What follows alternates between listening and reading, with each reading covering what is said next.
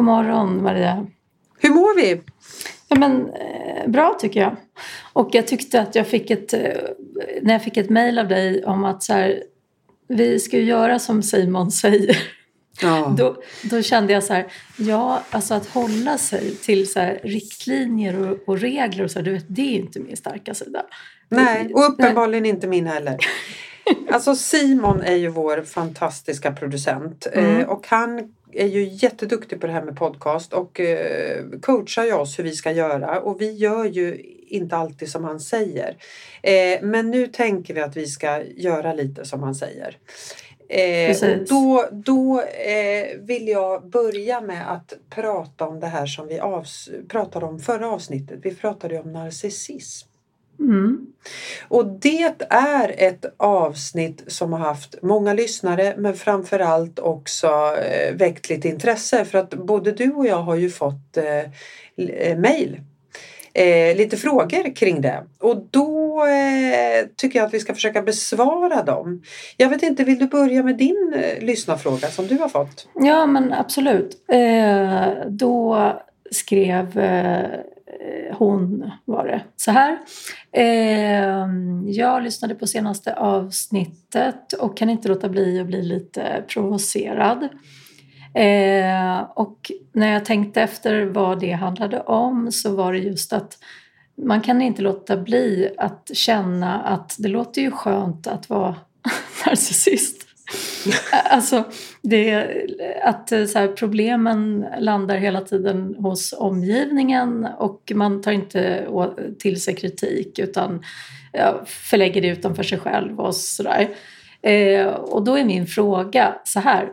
Eh, men alltså, kan man gå genom livet eh, som fullfjädrad narcissist och att det inte får några konsekvenser för en själv? Alltså, Mm. det tyckte jag var intressant. Ja, intressant reflektion. Mm. Och eh, då skulle jag vilja säga så här att eh, nej, det är väldigt sällan tror jag. Eller jag. Men för så här är det ju att när problemen hela tiden landar då hos andra eller andra får hantera konsekvenser. Alltså, eh, det är ju så här att är man, man har ju ofta ett väldigt stor inre tomhet. Mm. Alltså mm. i, i att man har problem med relationer och att eh, komma nära människor. Eftersom, eftersom, eh, eftersom man inte eftersom man slår, slår ifrån sig allt som har med en själv att göra och också lever ganska mycket på att hitta fel på andra och trycka ner och sådär. Eh, och ens eget liv, man blir ju ganska ensam Mm. Alltså i Och- det. Och Mm. inte sällan så är det ju så här att, att eh, någon gång i livet så hamnar den här personen i depression. Alltså det blir... Och, och då, det Och det är då det man, som blir konsekvensen. Ja, precis. Exakt. Och då Mm, kanske mm. man söker upp vård för depression. Alltså så här att det är liksom alla människor, alla beter sig så jävla konstigt och eh, det är det här och det här och liksom jag fattar ingenting och liksom eh, jag gör så mycket bra saker och jag lyckas med det här och jag är så här men eh, de här människorna är så här. Alltså, eh, och att det, det blir liksom depressionen som blir en utlösande i att man kanske måste börja jobba med sig själv lite grann. För att man är tillräckligt desperat då och mår Mm. jättedåligt. Eh, och därför så är det ju så otroligt viktigt i, så här, i mitt yrke.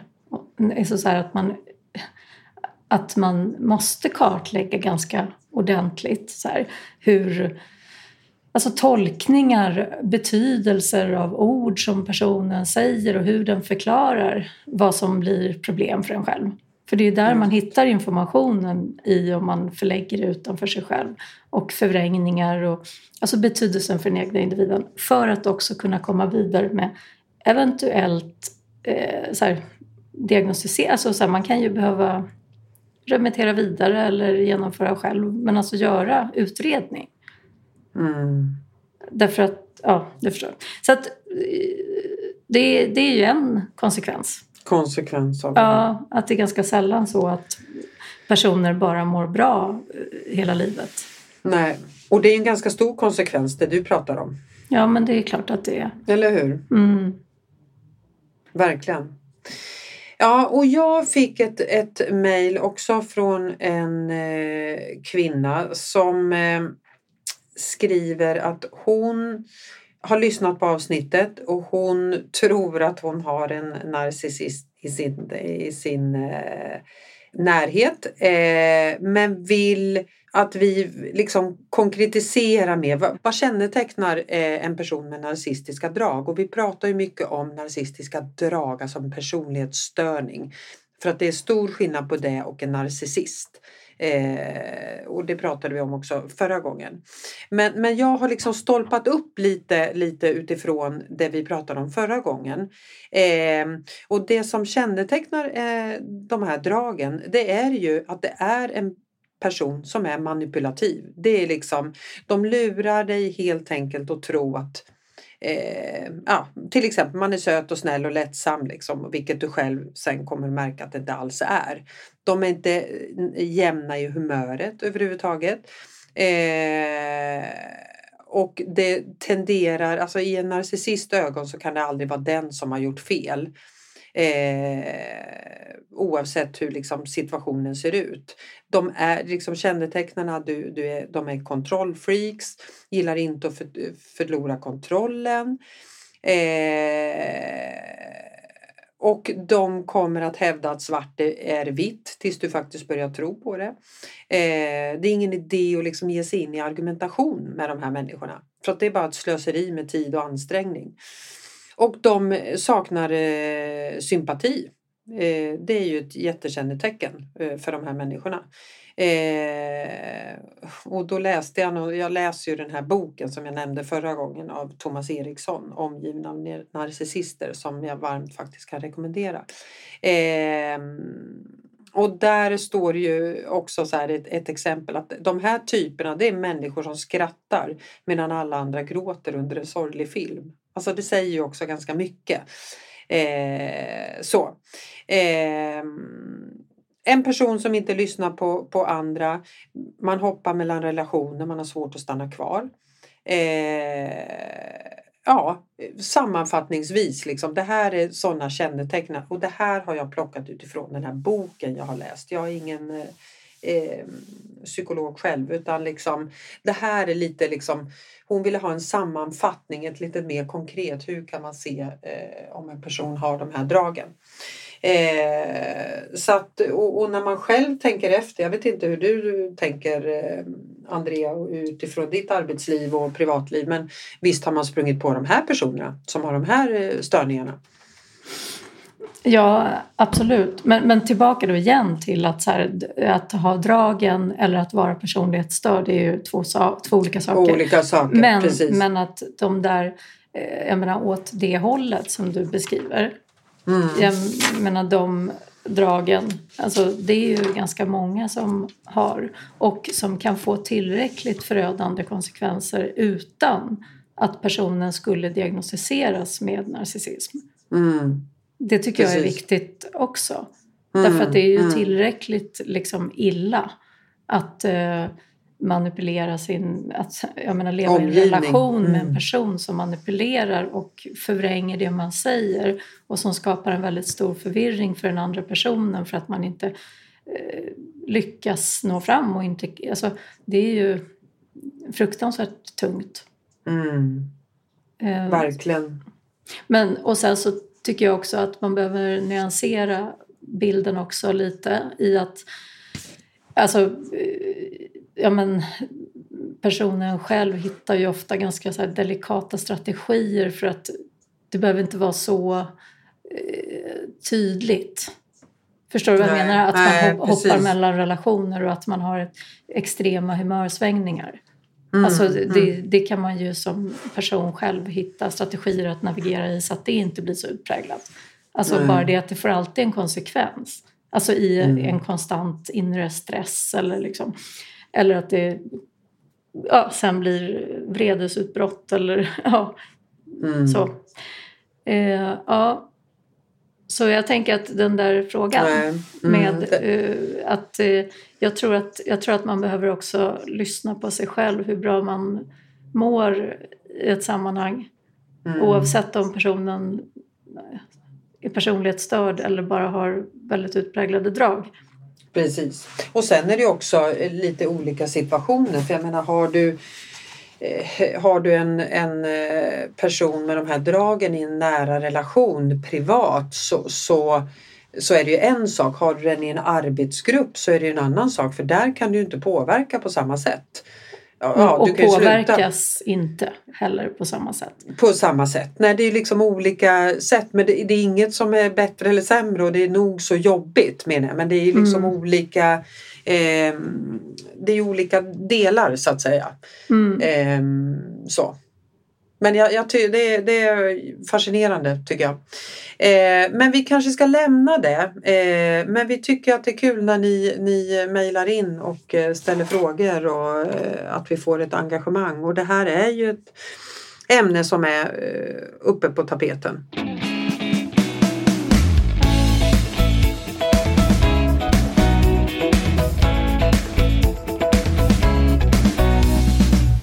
Och idag så får jag äran att eh, ta del av eh, vad du vill prata om. Ja, Nej, men jag vill prata idag om det här med feedback.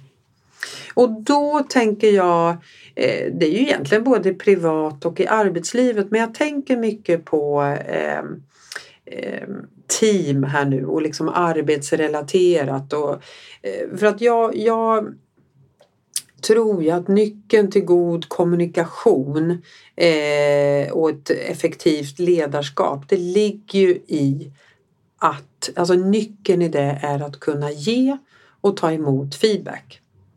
Eh, och vi jobbar mycket med det i våran grupp, våran arbetsgrupp här på Insight Competence. Vi behöver eh, precis som alla eh, grupper bli ännu bättre på att både ge och ta emot feedback. Och hur gör man då för att göra det här. Liksom.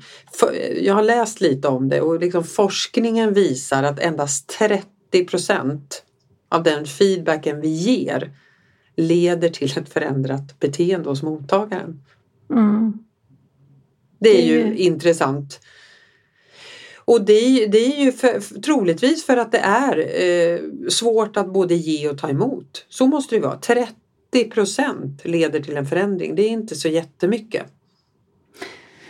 Nej, verk, verkligen. Eh, och sen tänker jag att det är lite olika också utifrån att vara ledare och medarbetare. Mm, absolut. Men jag, jag tror ju ofta, och det gäller både liksom eh, privat och i arbetslivet, men allting eh, beror ju på hur du säger saker. Det är ju huret som är viktigt. Sen är det viktigt vad du säger men du kan nästan säga vad som helst eh, om du säger det på ett bra sätt. Men skriker och gapar du otrevlig så blir det inget bra. Nej, nej, och det är väl ganska sällan som folk skriker och gapar och otrevligt, alltså när man aktivt ger feedback. Alltså... Ja, fast i en grupp så är det ju det, det är där du har dina olikheter och någon pratar på ett visst sätt det tycker mm. jag att jag har haft flera arbetsgrupper i, i, min karriär. Liksom. Och då kommer vi återigen in på det här röd, de här personlighetstyperna. En röd person pratar på sitt sätt och det, det är inte illa ment men hos en grön människa landar det helt fel. För den gröna människan tycker att den röda är så otroligt otrevlig. Och den röda tänker fast jag är inte arg, jag säger bara hur vi ska göra. Ja, absolut. Och också så här, att ta emot informationen så har vi också olika så här, perception i om vi kan... Vissa har ju väldigt mycket enklare att ta emot saklig information. Precis, exakt. Mm. Medan andra kanske ger i form av hur jag känner mig när du gör så här. Och, och det mm. kan för en annan person bli helt så här, okej, okay, Alltså, jag, alltså att det, det inte, apropå att det inte bidrar till någon förändring. Att mm. vissa kan verkligen behöva att det är så här sakligt, konkret, konsekvenser av det. Alltså väldigt så. Men, och, så att där är vi ju såklart olika. Mm. Eh, och där har vi nog ganska mycket att lära varandra tror jag.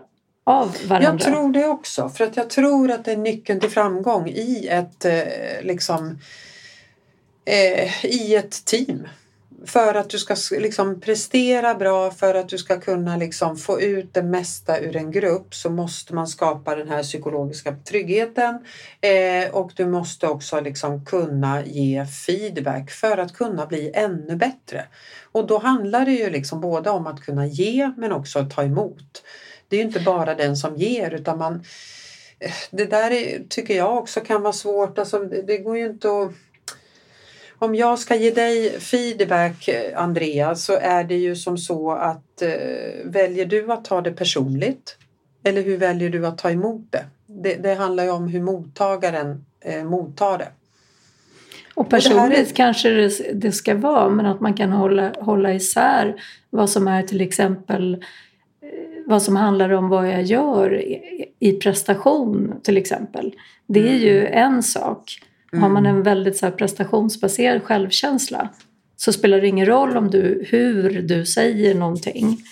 Att, att man, det landar kanske negativt oavsett. Mm. Därför att, därför att, um, att kritisera min prestation blir jättekänsligt. Liksom. Så att jag tänker att det, jag tror att det är viktigt att också när man ger, mm. att, man, att man kan vara tydlig med att så här, det vi pratar om nu det är ju de här typen av uppgifter eller när du gör så här. Att det inte är att du är. Nej, men det, och det, jag tror att man ska jobba mycket i det här i, i eh, arbetsgrupp för att liksom få få bra resultat och att, att personerna presterar så bra som möjligt. Men, men då blir, för, för det är klart att man ska, jag tycker det är absolut helt givet, men där är det ju det här, ja men hur då? Mm. Alltså hur ska man jobba med team för att främja att det är möjligt att ge positiv och negativ? Det är ju ja, det men... som är det svåra. Mm. Men det här, är ju så, det här behöver man ju öva på. Du behöver ju avsätta tid för det här och öva på det här. Ja, och jag, jag tror jättemycket på det där med så här, nyfikenhet, i, till, nyfikenhet av andra. Mm. Att, att vi tolkar saker på olika sätt. Det mm. kan man ju vara mer eller mindre intresserad av. Mm. Man kan ju också välja att vara lite intresserad. Alltså du som chef till exempel. Alltså mm. så här att eh, när du har en grupp då och eh, att man så här Okej, men när någon säger det här till dig, hur, hur, tolkar du det? Alltså vad får det för betydelse? Ja, men så här, jaha, för dem? Ja, okej, okay, för det är inte alls så. Men, alltså så, här, så att man är också intresserad så att man kan förstå varandra bättre. Det är så mm. du öppnar en, får en öppenhet. Liksom, att, att så här, ja, men när någon säger bara något flummigt till mig och, som inte är konkret, jag kan inte ens ta till mig det. Mm. Jag blir bara så här, okej, okay, det är din upplevelse, tack och hej. Alltså, medan så här, kan, man ha något att vin- kan man ha något att lära då? Själv mm. av hur en annan person tolkar någonting. Om den nyfikenheten finns så har man ju gått halvvägs. Verkligen. Och det är det jag tror liksom i, i en uh, arbetsgrupp att det här behöver liksom eh, chefen eller ledaren eh, liksom ägna tid åt. Och För hur, att det här hur... kommer... Ja men inte vet jag, man kan väl liksom avsätta och göra workshops med det här och göra övningar på varann och liksom eh, kanske mm. också eh, jag tror ju på kommunikationen. Man behöver ju prata. Men så här, eh, och då tycker jag, jag gillar ju de här färganalyserna som kanske ligger till liksom, till grund för mycket. Att men jag, jag är den här färgen och det innebär att när du höjer rösten så tror jag att du är arg på mig. Aha, men då behöver du liksom kanske då ska jag förklara att jag, att jag gör det här, det betyder inte att jag är arg på dig utan jag vill nå mina mål och därför blir jag lite hetsig för jag är röd och jag vill framåt och då kan det låta som, men det är inte något personligt mot dig. Till exempel. Om ja, då, då har man ju förklarat då har man ju förklarat och då nästa gång det här händer så kanske den här personen inte tar det så, så jobbigt för att de vet att äh, men hon är ju inte arg på mig. Hon vill ju bara framåt. Nu ska hon nå sina mål. Till exempel. Nej, och det är det jag absolut. menar att om man pratar om det och förstår varandra så blir det lite lättare. Och Men vi- kanske, tänker jag, jag vet inte. Ja, men det är klart att det är så. Men vet du vad jag tror är det absolut mest effektiva sättet? Nej. Det är att man använder, alltså i vanliga möten som du har Mm. till exempel. Alltså Mm. att, eh, att för, för det här att det ska nå en, en förändring så behöver man ju ofta koppla det konkret till någonting här och nu Ett som är exempel. kopplat till affären. Liksom. Mm, Alltså, mm, och du kan ju få in det där löpande hela tiden. mm, Alltså genom att ja, men det blir ju reaktioner på någonting som du säger. Till exempel. mm, Ja, mm. då kan man välja att fråga så här. Men vad heter det, eh, vad betyder det här för dig när jag säger så här? Att, att vi hade behövt göra så här istället. Alltså så här, vad betyder det för dig? Så här, ja, men, ja men det betyder ju att du inte tycker att jag gjorde det på bästa sätt. så Mm. Ja, men, och sen så går man, går man in i det liksom. Förstår du vad jag menar? För Mm, då, då har mm. man ju skapat där och då en så här kultur där det är så här du är öppen för att ta emot kritik i att du hade kunnat säga på ett annat sätt. Och du får en möjlighet till att förklara så här, ja men det var inte alls så jag, så här, men jag tycker så här och så här. Alltså, jag tror att man ska jobba väldigt aktivt med att få in den här I typen av vardagen. frågor. Ja, Ja. verkligen. Jag håller helt, det är jättebra. Jag tror, jag tror precis som du för att annars blir det eh, det blir en gång om året på kickoffen man jobbar Ja. med det och sen för det kanske är därför 30 procent går in Precis. och resten det, det är precis som du säger att man behöver få in det i vardagen i sina vanliga dagliga möten med människor Mm, och sen om det precis. är medarbetare eller familj och så vidare och så vidare. Men, men jag är ändå så fascinerad och, och det här är ju också på hemmaplan. Jag hade, jag hade en eh, eh, situation med min 13-åriga son där jag svarade någonting sådär, nej men det, det kommer inte funka vad, vad det nu var han ville göra. Och då säger han, men varför blir du så arg? Och då tittar jag på honom, arg? Nej men jag blir inte arg. Jag säger bara att det där inte kommer fungera och då tolkar han in att jag är, förstår du vad jag menar? Ja, och jag visst. menade inte alls att Dels så menade jag inte att vara arg och sen tyckte jag att jag lät ju inte arg, men han tolkade det som att ja, men du var ju arg för att jag frågade om det där. Ehm, så att jag tycker att man ehm, Ja men det är lätt att man också blir misstolkad och jag kan få den feedbacken på mitt, eh, av mina medarbetare ibland att bara, oj vad du, det lät hårt eller det lät eh, oj vad du var, verkade irriterad över det där till exempel. Mm. Nej, det, det, alltså jag var inte irriterad men vi måste också kunna prata om grejer eh, som inte alltid bara är rosor. Ja, visst. Eller hur? Ja. Det, det är ju liksom så att, ehm, och det handlar väl om att skapa den där tryggheten hos varandra och i en själv och eh, ja, nej, jag, jag är lite intresserad av det där. Jag tycker att det är spännande hur, hur man tolkas, eh, hur man uppfattas men också hur jag uppfattar och tolkar andra människor.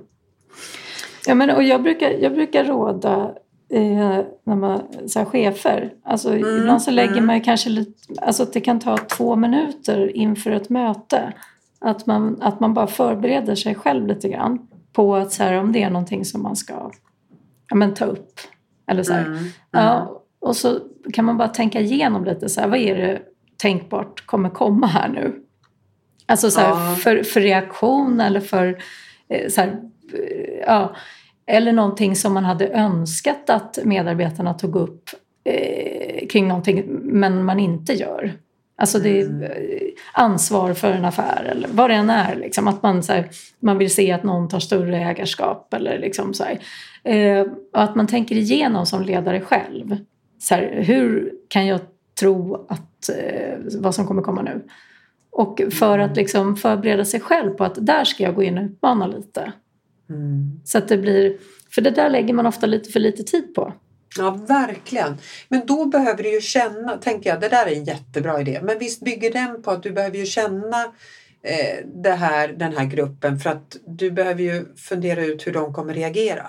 Och då, Ja, jo, Eller hur? ja. Mm. Ja, men det där är, ja. Eller att man, om man inte gör det så kan det ju handla mer om att man vill se mer av någonting. Från en ledningsgrupp Mm. till exempel. Mm. Alltså jag skulle önska att, så här, eh, att man var mer drivande i, i det här. Ja, men om det är olika affärsområden eller så här. Och att man tar ett större ägarskap för, sin, för problemen i sin och eh, liksom tar hjälp av ledningsgruppen i till exempel. Så. Mm. Ja, men för att få den effekten så, så tror jag sällan att det hjälper att man sitter och pratar om att man vill att någon ska ta ett större ägarskap. Utan det man behöver göra är ju att man behöver ju driva det aktivt Mm. i hela tiden. Liksom.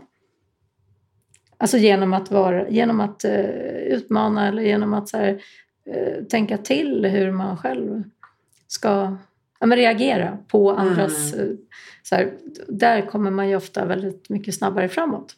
Framåt, ja. Men du, för att jag upplever så här att jag själv, eh, och jag ville ställa motfrågan om du känner igen dig i det eller om du har varit så här, För att jag upplever att jag har förändrats mina 15 senaste år eh, i att eh, nu vill jag ha väldigt konkret feedback. Jag vill gärna ha rak. Det gör inget om den är övertydlig och det gör kanske inget heller om den är liksom rak och skarp och, och så.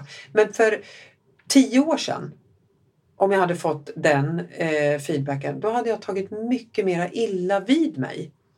Mm. Förstår du vad jag menar? Att jag, jag upplever att jag har förändrats under, eh, under en period hur jag vill kommunicera med folk. Jag uppskattar mycket mera nu det här raka, tydliga, eh,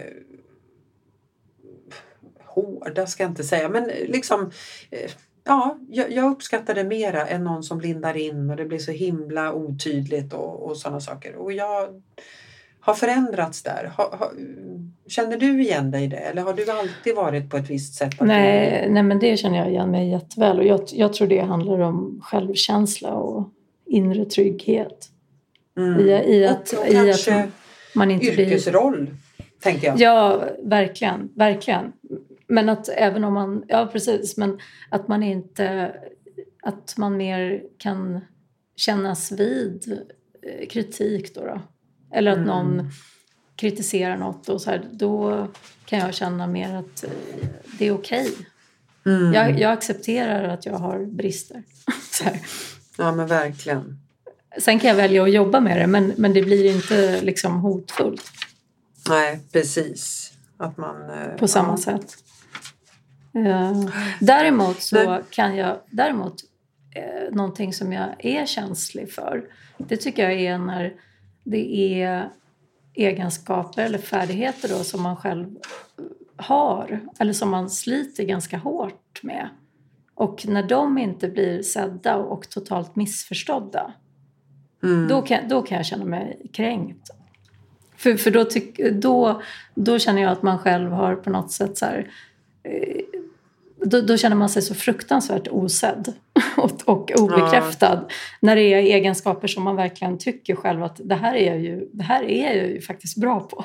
liksom. Mm. Och, och om någon då så här, har missförstått helt och, tycker, och ner, förminskar någonting som man själv tycker att då, då, det har jag lite svårt att ta till mig. och, och ta till dig liksom. Mm. Ja, då, då tycker jag att det ligger hos den andra och kan inte den andra eh, se det då Mm. tycker jag, då, då känner jag mig kränkt. Mm. Eller får svårt att släppa det liksom.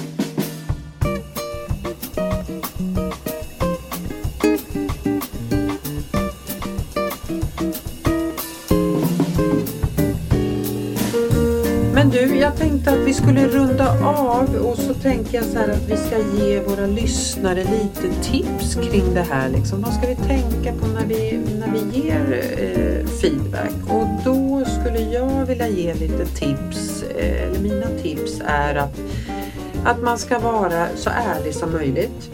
Eh, och att vara någonstans positiv.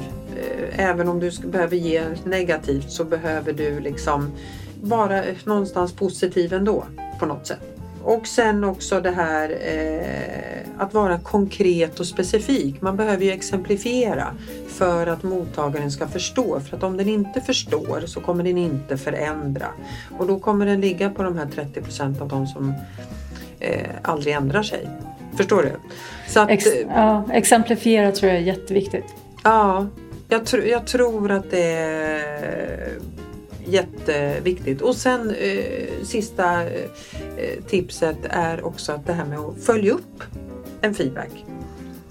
Mm. Så att man liksom förstår att det är allvar, att det här behöver vi liksom, det här, vi behöver ändra det här och nu har jag förmedlat det här och vi följer upp hur har det gått och så vidare och så vidare. Eh, och, liksom, och har personen förändrats så är det ju liksom bra med lite uppmuntrande positiv feedback tänker jag. Men att man, ja uppföljning, det tror jag är mm. viktigt. Uppföljning att, är väl egentligen nästan allt. Nej, ja, men I väldigt ja, mycket. Jag skulle vilja lägga till några saker för jag mm. tycker ibland att jag har ledare som har ganska svårt med att ge positiv feedback. Mm.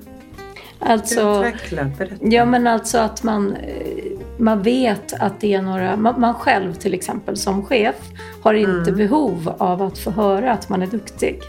Eller att, så här, att det där gjorde du riktigt bra, man har inte behov av det. Utan mm. man drivs av andra saker. Och då har man ganska svårt att eh, förstå att sina med, någon medarbetare har ett jättebehov av att löpande höra att man gör bra. Så det kommer inte naturligt för en själv. Eh, men, man, men man märker att när man gör det så får det en väldigt positiv effekt. Liksom. Och då vill man ju som ledare då bli bättre på att ge positiv feedback. Är du med?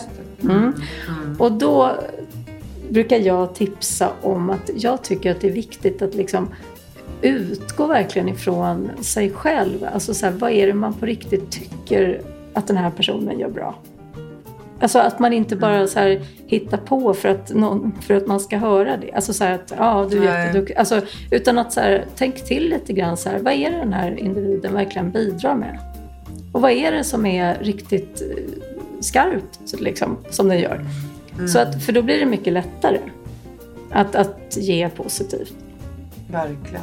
Så att, lite att man så är lite autentisk i, och tar sig friheten själv som ledare. Att så här, leda på sitt eget sätt och göra det utifrån sig själv. Och sen också tycker jag, apropå det här att det ska bidra till förändring, eh, att, att man också pratar om konsekvenserna.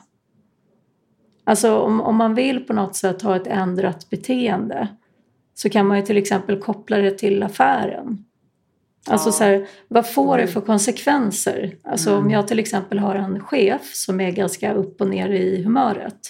Så här, ja. eh, och, eh, uttryck, och, och, alla snappar upp det och blir påverkade. Så att ena dagen så är man älskad och andra dagen så är man helt livrädd liksom, för chefen. Ja, då, då behöver man ju få den här ledaren att förstå att så här, du vet, när du skapar rädsla hos dina medarbetare, då kommer inte de prestera. Utan då går de runt och är rädda för dig. Mm. Och det är det de har fokus på.